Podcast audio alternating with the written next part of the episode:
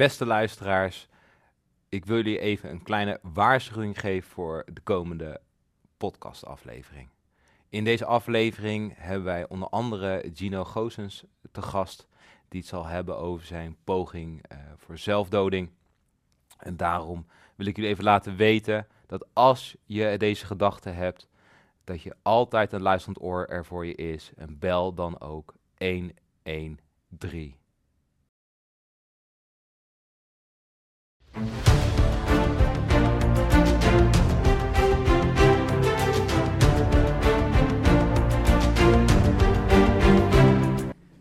Welkom bij een nieuwe aflevering van deze podcastserie. Uh, voordat we beginnen ga ik jullie natuurlijk eerst vragen om te abonneren. Uh, vergeet niet op het belletje te drukken, zodat je op de hoogte bent van een nieuwe aflevering. En ons te waarderen met een duimpje of een sterretje. Vandaag heb ik weer twee nieuwe gasten. En ik hoop dat jullie weer uh, geïnspireerd worden door ons, mijn gasten. Ik heb vandaag Ingrid Boots van Hulp voor Helden en Gino Gozens van RPTC Tactical. Ja, um, ik wil jullie zelf vragen om een korte intro te geven. begin ik graag met de vrouw, Ingrid. Dankjewel. Ja, Ingrid Boots, directeur van de Stichting Hulp voor Helden. Hulp voor Helden is een stichting die al nou ja, volgend jaar 150 jaar bestaat. Uh, opgericht in 1874 uh, met de, uh, ja, de militaire tehuizen destijds. Um, nou, wij zetten ons in voor het welzijn van militairen, veteranen en het thuisfront. dus een hele brede groep. En dat doen wij met ja, verschillende projecten die we zelf initiëren. Um, ja, in, um, initiatieven van anderen die wij financieren. zowel op het gebied van erkenning en waardering, als op het gebied van daadwerkelijke steun. Ja, dankjewel. Ja. Gino, mag jij het woord geven? Ja, ik ben Gino Goosens. Um, ik ben uh, oprichter van RPC, dus uh, fitness en tactical inderdaad. En uh, bij tactical begeleiden wij mensen met ja, zeg maar het verlangen om een carrière te starten bij defensie of politie of andere vormen van uniformberoepen, om die voor te bereiden. Op of kennismakersdagen of naar de opleiding zelf. En, maar het kan ook zijn dat we mensen hebben die door willen stromen. Hè, dus die zeg maar nu in een reguliere politiefunctie zitten en graag naar het DSI willen of naar het AT willen. En dat doen we wel zowel fysiek als mentaal. Doen we ze daarbij begeleiden op verschillende wijzen met coaches die voornamelijk echt ook uit, uit het circuit komen. Hè, dus die of nog operator zijn of die op dit moment bij de politie zitten als instructeur of ja. opleider. Ja, en dat zijn, dat zijn onze coaches en daar werken we dan mee samen. Ja. Nou, dankjewel voor jullie introductie. Yes. Ik wil jullie graag uh, de laatste stelling voorleggen. En die is: over tien jaar gaan we adequaat om met PTS6. Ingrid, mag ik jou het woord geven?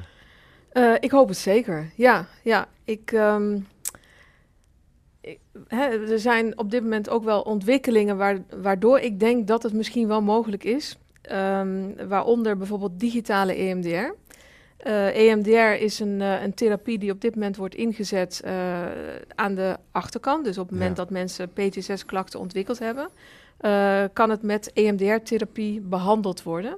En kunnen mensen die PTSS ontwikkeld hebben, nou ja, minder klachten, ja, hoe zeg je dat? De, klachten kunnen dan verminderen.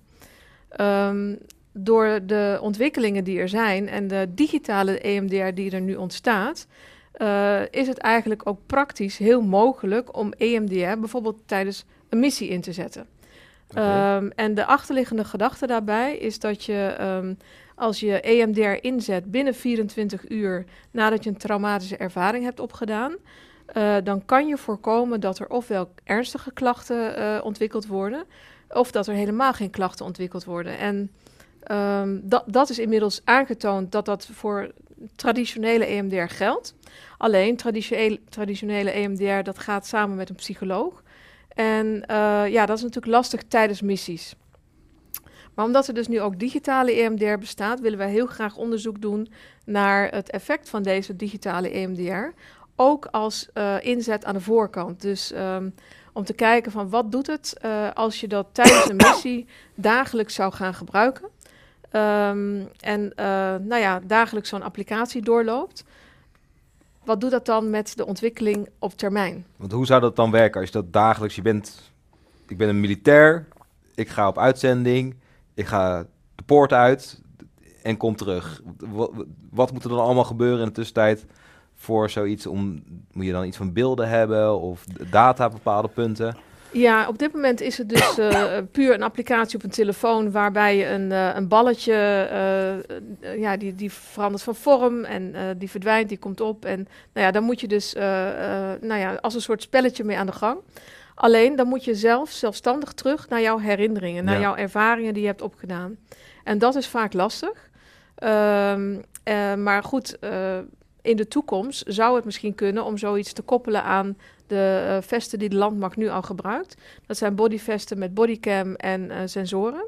Eh, en dan moet je het eigenlijk zo voor je zien dat je, je doet je werk tijdens missie. Je komt terug in je kampement, je hangt je bodyvest aan de kapstok en je plugt hem vervolgens aan je mobiele telefoon. En op basis van jouw hartslag worden dan impactvolle beelden, dus op, op momenten waar jouw hartslag omhoog ging, Ja. die beelden zou je dan kunnen filteren en integreren in die applicatie. Zodat je eigenlijk nog eh, ja, meer effect kan hebben van die digitale EMDR. Omdat het dan ook een soort exposure therapie wordt. ja, dus je zou dan, als ik het goed begrijp, op je mobiel krijg je dan eigenlijk de beelden terug te zien die jij hebt opgenomen met een bodycam of op je helm of misschien Ja. in de toekomst wel met een, een, een slimme bril zeg maar op. Die zie je en ondertussen doe je dus die EMDR-behandeling en kan je dus eigenlijk zo een hulpmiddel krijgen om terug te komen in die beleving eigenlijk. Ja, je komt terug in die beleving ja. en tegelijkertijd wordt jouw werkgeheugen dusdanig belast dat die ervaringen die voor jou best wel eh, ja, eh, een hoge impact hadden. hoge ja. impact hadden. eh, dat je door dat werkgeheugen wat je dan belast, wordt die impact die gerelateerd is aan die ervaring, wordt dan verminderd. Ja. Eh, dat is eigenlijk een beetje zoals het werkt, in hele Ja. simpele woorden uitgelegd. Ja, nee, maar het klinkt Ja. wel als iets wat, wat een gave toekomst heeft natuurlijk en heel nuttig is. En hoe kijk je dan Ja. naar het stukje vitaal, vitaliteit daarin, persoonlijke coaching? Want ik, dat lijkt mij Ja. een ideale link. Nou ja, goed, ik denk dat ehm, je, je ziet dat binnen de, de zorg, hè, bij psychologie en bij eh, psychiatrie heel vaak gebruik wordt van, van eh, meer de biomarkers, zeg maar eigenlijk. Hè? Dus eh, het kunnen meten van zo'n hartslag bijvoorbeeld, hè, of hè, bloedwaardes meten of stressniveaus meten, et cetera. Maar als je dat vervolgens weet te koppelen aan eh, ja, de zogenoemde psychomarkers, hè, dus wat je zegt inderdaad van, hey, eh, dit zou wel eens kunnen betekenen dat je te maken hebt met een bepaalde mate van stress. Daar ben ik wel enthousiast over, want dat is ook wel een beetje wat wij proberen te doen binnen het coachen, wat wij toepassen. Veel meer op de, zeg maar, de psychomarkers gaan zitten dan op de biomarkers, zeg maar. Hè. Dus Ja. niet zo alleen maar van uitgaan dat, eh, dat je mensen kunt, eh, zeg maar, in kaart kunt brengen op basis van eh, zeg maar de, de, de standaarden die gehanteerd worden binnen bepaalde waarden, binnen het bloed of wat dan ook. En dat je kunt zeggen, oh, dat zou potentieel wel eens een kandidaat kunnen zijn die hè, die kant op zou kunnen bewegen of die, die ziekte zou kunnen krijgen of wat dan ook. Hè. Als je dan hebt bijvoorbeeld over... laat zeggen, obesitas bijvoorbeeld of zo, of wat dan ook. Hè, dan eh, wordt heel erg daarop gestuurd, of op Ja. het gewicht. Hè, als je het hebt bijvoorbeeld over eh, eh, anorexia of over bulimia of wat dan ook, dan wordt heel erg gekeken naar, naar alleen maar dat soort zaken. En veel minder eigenlijk naar de, de kant waarbij, het- waar jij het nu over hebt, inderdaad hoe je ze op een andere manier Ja. bij kunnen helpen ook.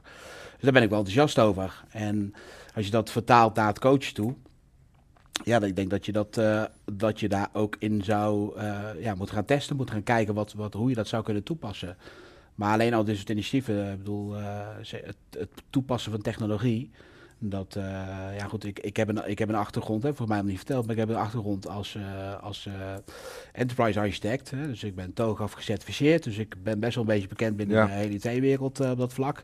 Dat heb ik op een gegeven moment wel losgelaten, maar eh, wij passen bij ons ook al veel technologie toe eh, binnen het, eh, bijvoorbeeld het dingen programmeren. Gebruiken jullie dan? Nou, we zijn, wat wij veel doen is dat wij, in tien jaar tijd hebben wij heel veel programmeringen gebouwd.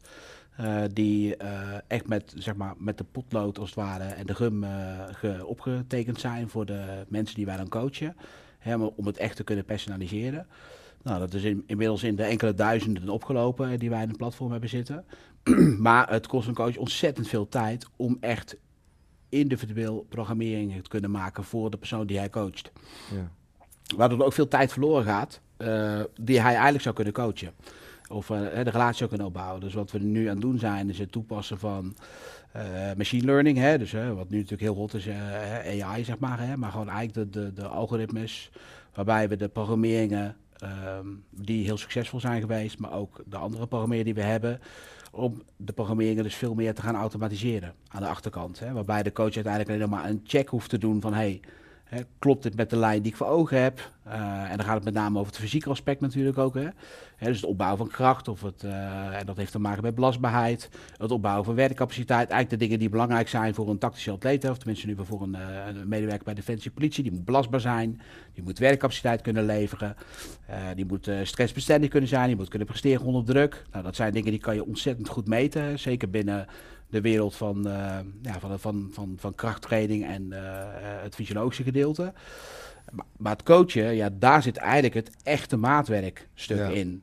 Uh, ja, en dan heb je eh, toepassingen van technologie. Als je dat kunt samenbrengen bij elkaar, hoe dat je dan steeds individueler op dat stuk ook kunt ja. komen, dan wordt het natuurlijk alleen maar interessanter. Hè? Dan heb je en een hele hoge kwaliteit in het fysieke aspect wat je hebt, hè, om mensen voor te bereiden op een bepaald traject. En dan tegelijkertijd kan je ze ook nog een keertje coachen op een ja, steeds individuele manier, wat, ja, wat uiteindelijk natuurlijk wel hetgene is waar je heel graag naartoe wil. Ja. je kunt werken vanuit een bepaalde theorie of een bepaalde methode, maar het succes zit hem natuurlijk in het individualiseren daarbinnen. En uh, ja, daar heb je nu, nu, gewoon vaak heel weinig tijd voor om dat te kunnen doen, omdat het gewoon heel veel tijd kost. En dan zit je op een gegeven moment zit je gewoon vol als coach zijnde. Je kan niet meer dan, laat zeggen, 30, 40, 50 jongens coachen tegelijkertijd als coach. Maar dan ben je al een heel groot stuk daarvan wordt opgegeten door, um, ja, door het programmeren. Ja. Hè, daar, daar ligt een stuk van de kwaliteit. Maar ja, het echt succes zit natuurlijk in het coachen. Ook van het, kunnen signaleren natuurlijk van... Hè, uh, zit iemand eigenlijk wel op, op het goede traject? Zit hij eigenlijk wel op de goede weg? En niet dat wij dan gaan zeggen, dat zou je niet moeten doen. Dat inzicht moet natuurlijk komen vanuit een stukje zelfinzicht. Maar je kan natuurlijk wel de tools en de gesprekken gebruiken om mensen tot dat inzicht te krijgen. Ja. ja. ja. Zonder dat je hem beïnvloedt. Dat is wel belangrijk. Ja. Nou, zeker. ja. ik denk ook echt dat dat uh, heel goed samenwerkt. En kijk, laten we ook, ook even weer heel realistisch kijken. Er zijn ook heel veel uh, militairen die gewoon gezond uit missie terugkomen. Hè? Gelukkig wel. Um, en dan is er een deel, een klein deel, wat, nou ja, vervelende klachten ontwikkelt. En er is een heel klein deel wat echt hele ernstige klachten ontwikkelt. En ik denk dat je juist in uh, nou ja, die combinatie, hè, dus aan de voorkant iets doen en aan de achterkant iets doen. En dan ook kijken van waar is de impact het grootst geweest. Ja. Uh, waar je dan weer wat verder met coachings op, coaching op zou kunnen uh, werken, zeg maar. Ja. ja, ik denk dat dat wel een hele goede combinatie is. En dat we dan misschien over tien jaar, nou ja, toch wel een hoop klachten in ieder geval kunnen verminderen. Ja, maar als ik het wel goed begreep, wat je net beschreef van het vest, bodycam, camerabeelden, app, dat zit nog in onderzoeksfase. Ja, klopt. We hebben inmiddels, uh, nou ja, van, van traditionele EMDR is aangetoond dat het, uh, wanneer je dat op tijd inzet, binnen 24 uur, klachten op termijn kan voorkomen. Ja. Uh, van digitale EMDR is dat nog niet aangetoond. En juist die digitale EMDR is tijdens een missie nou ja, heel praktisch om in te zetten. En daarom willen we ook voor digitale EMDR graag nog verder onderzoek doen om aan te tonen dat ook dit aan de voorkant kan werken. Uh, zodat het ook uh, nou ja, bij Defensie misschien geïntroduceerd kan worden. Ja, en wat zouden, dan, wat, wat zouden jullie dan nu nodig hebben om dat onderzoek verder uh, voorwaarts te brengen? Ja, geld. Ja, vooral geld. We hebben geld nodig en op zich is het nog niet eens zoveel. 50.000 zo uit mijn hoofd. Uh, wat nodig is om dat onderzoek te doen, waarmee je dan echt kan aantonen dat digitale EMDR uh, eh, preventief uh, nou ja, effect kan hebben. Ja. En hoe kijkt dan um, Defensie hiernaar? Hebben jullie daar gesprekken over? Van joh, dit is er. Ja, Defensie ja, heeft natuurlijk eigen ontwikkelingen ook lopen. Um, maar nou ja, ik, ik, ik zit zelf niet bij Defensie, dus ik kan het niet helemaal beoordelen wat zij doen. Maar ze hadden wel gezegd, we hebben meer um, bewijs nodig van hoe dat werkt en, en of dat uh, inderdaad effectief is. Ja. Dus als we dat kunnen aantonen, dan is dat voor Defensie misschien een reden om het uh, toe te passen. Ja. Ja. ja, het klinkt wel als iets waar zeker onderzoek naar gedaan zou moeten worden. Ja. Het wordt wat lastig om natuurlijk ook nog een stuk, um, als je het zou willen toepassen en je weet dat het fysiek EMDR doen effectief is, maar ja, je kan niet altijd iemand meenemen. Uh, die ieder, elke soldaat na weer terug in de port is, elke dag even sessie te gaan doen. Ehm, dus dat, dat, dan zou dit wel een mooie, mooie oplossing zijn. Ja. ja, want het is dus... Kijk, EMDR wordt heel erg geassocieerd... en dat is logisch ook met zieke mensen. Mensen die PTSS hebben. Uh, mensen die ernstige PTSS hebben. En dit is natuurlijk een digitale applicatie uh, hè, waarvan je dan denkt, ja, hoe kan dat nou helpen? Maar het is niet bedoeld om zieke mensen beter te maken. Het is bedoeld om gezonde mensen gezond te houden. Ja, het is eigenlijk dat voorkomen van. Precies. En dat is uh, ja, een totaal andere toepassing van iets wat al bestaat. Ja. Ja. ja, dat vind ik wel mooi, want daarmee leg je eigenlijk eh, wat we ook al bespreken van PTSS ontstaat. En vaak wat na pas op lange termijn kom je erachter dat je, dat je er last van hebt. Dan kan je gaan EMDR'en eh, om dat op te lossen. Maar eigenlijk samen, jullie allebei, werken aan die preventieve kant al. Als je kijkt naar deze oplossing, dat is eigenlijk live van, nou ja, je komt terug en je kan er gelijk wat mee. Je- ik kijk naar jou, dan denk ik, ja, met dat sporten en die coachingsgesprekken, bereid je ze wel al voor, voordat ze eigenlijk al gaan dienen, of het nou bij politie of is, of bij, bij Defensie. Maar je bereidt ze al voor van, dit, dit zijn ook echte verhalen, dit gebeurt Ja. ook. En je stuurt ze niet, maar je, je, je kan wel adviseren, zeg maar, is dit dan wel, past dit wel bij je? Mhm. En ik vind dat wel iets wat, wat mooi is om, om hier samen te zien komen.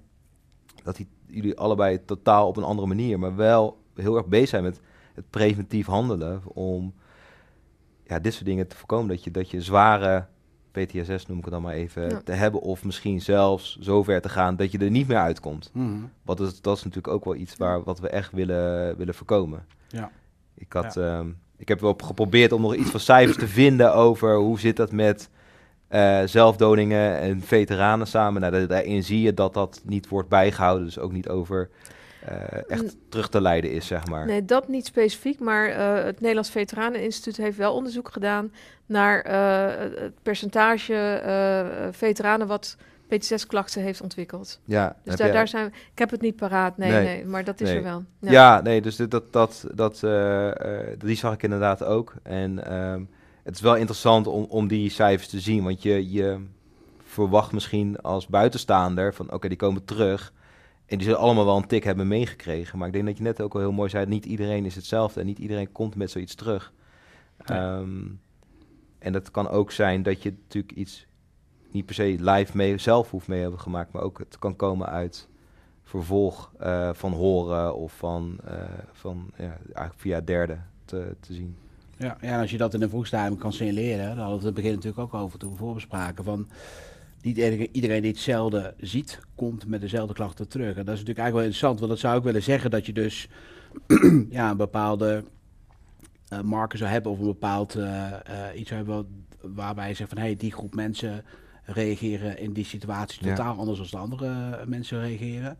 Het kan natuurlijk ook zijn dat iemand daar voor de eerste keer mee geconfronteerd wordt. Hè. Pas in zo'n situatie dat het Ja. naar voren toe komt. Hè. Dus dan, dan weet je het ook niet. Hè. Ik bedoel, je kan moeilijk een soort van exposure therapie gaan toepassen al voorafgaande Ja. aan. Hè. Van hé, dat, eh, hè, dat, eh, dat, dat zijn ze wel aan het onderzoeken. Hè. M- De, mijn, eh, mijn vrouw die heeft eh, betrokken geweest bij een onderzoek bij, eh, bij de, in de verslavingszorg. Met, eh, waar ze aan het ehm, testen zijn met eh, virtual reality. Hè. Dus inderdaad eh, het opzetten van de bril.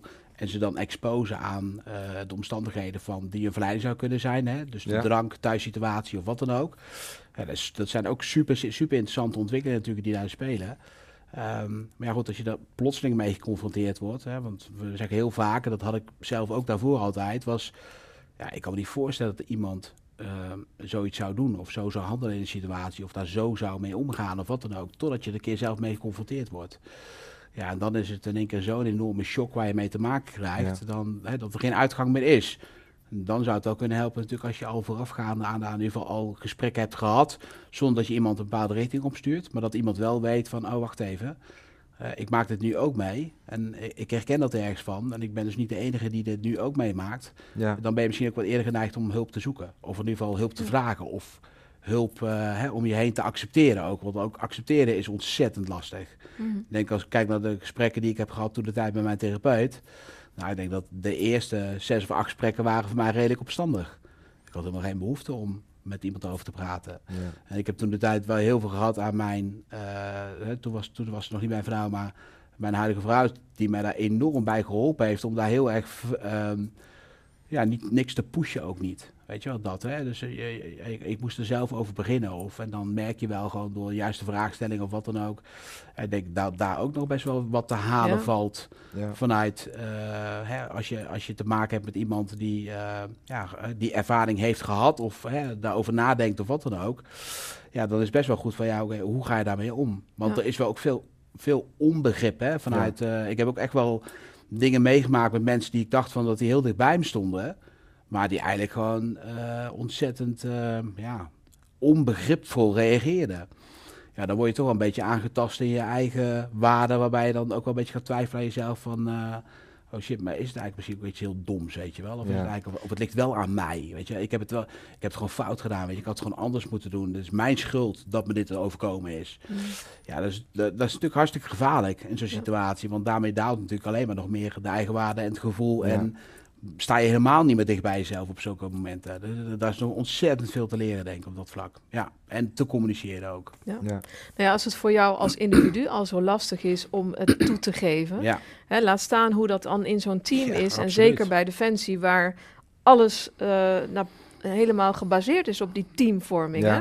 ja, En je moet in een team functioneren en dat team, ja, dat gaat ervoor. Daar zit een bepaalde drive achter. Ja, ga dan nog maar eens even toegeven dat je het zelf niet helemaal meer eh, ziet zitten, zeg maar. ja absoluut. En, Ja. en zeker die teams, ze doen natuurlijk altijd een na-evaluatie, naar aanleiding van de missie die ze gehad hebben of wat dan ook. Ja. Ja, dat gaat er best wel hard aan toe. Dat is, Ja. dat, dat- ze zijn goud eerlijk naar elkaar, wat je natuurlijk enorm kan waarderen. Maar ja, goed, als je op dat moment niet zo goed weet hoe je daarmee om moet gaan, dan ga je natuurlijk gewoon alleen maar die dingen steeds verder en dieper wegstoppen, wegstoppen, wegstoppen. Ja, ik denk dat het dan ook alleen maar langer duurt voordat het op, ooit een keer weer komt bovendrijven. Ja. Hè, maar, maar het komt naar boven, weet je, gegarandeerd. Dat- Dat zeg ik echt zo vaak tegen mensen om me heen ook. Van, zeg, hoe diep je het ook wegstopt. Zeg, ik weet inmiddels, het komt een keer boven. Ik zeg, en, als je, en dan komt het echt als een donderslag bij heldere hemel. En dan schrik je je dood wat je moet doen op zo'n moment, in die Ja. situatie. Ja, en dat is zo conflicterend, maar ook zo gevaarlijk. Hè, d- dan is het juist goed dat je ook al... Hè, dat misschien dan misschien initiatieven daar buiten omheen, maar dat er wel ruimte is om af en toe eens een keer te luisteren naar iemand die eh, ook de andere kant gezien heeft, maar Ja. daar ook uitgekomen is. Of daar ook eh, hè, heeft overleefd, zeg maar, tussen haakjes. eh, ook al is het misschien niet eens, in mijn geval bijvoorbeeld niet eens dat, dat ik degene ben die het heeft overleefd doordat ik het zelf wilde, maar dat ik geholpen ben door mensen om me heen, Ja. uiteindelijk. Hè. Hoe vervelend dat ook voelde op dat moment. Maar ja, dat is, eh, ja, die communicatie is wel belangrijk. Hè. Dat, eh, dat vind ik wel. Ja. Ja. En ik kan me ook eens voorstellen dat je als persoon weet waar je terecht kan. Hè, dus jullie Ja. geven daar heel erg veel ehm, geluid aan van je kan hier terecht, we zijn er voor je. eh, we hebben verschillende initiatieven, eh, ook het thuisfront mee te nemen. We zijn hier, we zijn er al bijna 150 jaar zelfs Ja. voor jullie. Ja. Dus ik denk dat dat wel eh, iets heel moois is. Ja. Ik ehm, ga jullie bedanken voor deze podcast. Graag Ik gedaan. ben heel erg Ja. blij dat jullie allebei zijn geweest. Eh, Gino, heel erg bedankt voor jouw eh, persoonlijke verhaal ook. Ja, zeker. Ja, Dat bedankt voor de wilde ik. uitnodiging. Absoluut. Ja, En, mooi. ehm, tot de Dankjewel. volgende keer. oké, top.